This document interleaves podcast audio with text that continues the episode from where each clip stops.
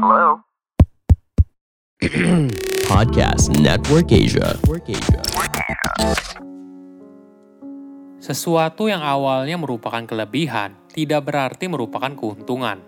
Malah, sesuatu yang awalnya merupakan kelemahan bisa jadi kekuatan yang luar biasa. Halo semuanya, nama saya Michael. Selamat datang di podcast saya, Sikutu Buku. Sebagai informasi, podcast Sekutu Buku sekarang bergabung dengan Podcast Network Asia dan Podmetrics loh. Kali ini saya akan bahas buku David and Goliath karya Malcolm Gladwell. Sebelum kita mulai, buat kalian yang mau support podcast ini agar terus berkarya, caranya gampang banget. Kalian cukup klik follow.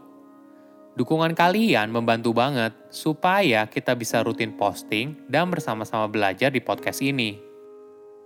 Buku ini membahas cara pandang yang baru soal rintangan dan kekurangan dalam hidup. Menariknya, kelebihan di dalam diri bisa menjadi sebuah kekurangan. Sebaliknya, sebuah kekurangan bisa menjadi sebuah kelebihan. Intinya, dengan kesadaran yang baik, kita bisa menggunakan kekuatan dan kelemahan yang kita miliki untuk memenangkan sebuah persaingan. Sama seperti kisah klasik David versus Goliath, David menang karena dia sadar apa kelebihan dan kekurangannya di tengah segala keterbatasan. Sedangkan Goliath terlalu bergantung pada sesuatu yang dianggap kelebihan dirinya. Saya merangkumnya menjadi tiga hal penting dari buku ini. Pertama, kisah David versus Goliath. Buat yang belum tahu kisah David versus Goliath, saya akan ceritakan sedikit. Goliath adalah prajurit yang perkasa dan menantang pasukan lawan untuk bertarung satu lawan satu dia menantang pasukan lawan untuk mengirim para prajurit terbaik mereka. Tidak satupun dari pasukan lawan yang berani untuk bertarung dengan Goliath satu lawan satu. Maklum saja, perawakan Goliath yang besar dengan pelindung tubuhnya membuat pasukan lawan ketakutan. Kecuali seorang penggembala domba bernama David. Dia menolak untuk menggunakan senjata yang ditawarkan oleh pasukannya. David justru memilih untuk menggunakan ketapel.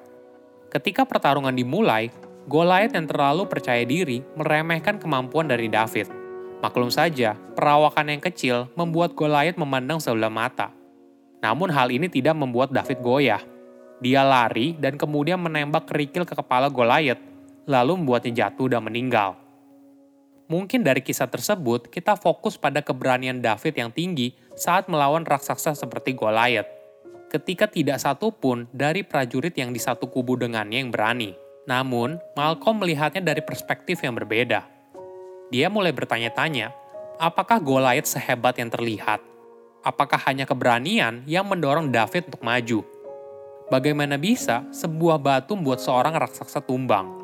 Pertanyaan ini membawa Malcolm pada beberapa jawaban. Pertama, Goliath tidak sehebat yang dibayangkan. Dia adalah raksasa karena punya masalah pertumbuhan hormon efek sampingnya yaitu keterbatasan area penglihatan. Ditambah lagi, baju besinya yang besar. Inilah yang membuat Goliath menantang David untuk maju menghadapinya dan melihat ketapel David sebagai sebuah tongkat. Kedua, David tidak memilih senjata apa pun yang ditawar oleh pasukannya, dia justru memilih senjata yang sudah dikuasai sebelumnya. Sebagai informasi, ketapel yang digunakan oleh David merupakan senjata yang berbahaya. Ini merupakan salah satu senjata yang paling ditakuti di zaman kuno, Batu yang berasal dari ketapel memiliki daya henti yang setara dengan peluru dari pistol kaliber .45. Kedua hal inilah yang menjadi penentu keberhasilan dari David dalam mengalahkan Goliath. Ini merupakan teori yang coba disampaikan oleh Malcolm saat melihat kisah klasik ini dari sudut pandang yang berbeda. Kedua, strategi untuk melawan raksasa. Sejatinya, kita suka dengan kisah seseorang yang bukan siapa-siapa dengan segala keterbatasannya dia mampu berhasil menjadi orang yang luar biasa mengalahkan para pesaing. Ini merupakan kisah yang dicintai oleh banyak orang, namun yang kadang luput diperhatikan, orang yang berada dalam posisi underdog atau yang tidak diunggulkan jarang sekali menang apabila mereka bertarung menggunakan peraturan yang ditetapkan oleh sang juara bertahan. Seorang ilmuwan politik bernama Ivan Aregwintov menganalisis perang yang terjadi selama 200 tahun terakhir ketika dia melihat pertempuran yang timpang, di mana satu sisi memiliki 10 kali kekuatan yang lebih besar daripada yang lain, pihak yang lebih besar memiliki kemenangan sebesar 71,5% dari total pertempuran. Namun, ketika Ivan melihat kasus di mana pihak yang lebih kecil bertempur dengan taktik yang tidak konvensional seperti perang gerilya, dia menemukan dalam situasi ini mereka bisa menang lebih banyak, yaitu sekitar 2 per 3 dari total perang yang terjadi, sebesar 63,6 persen.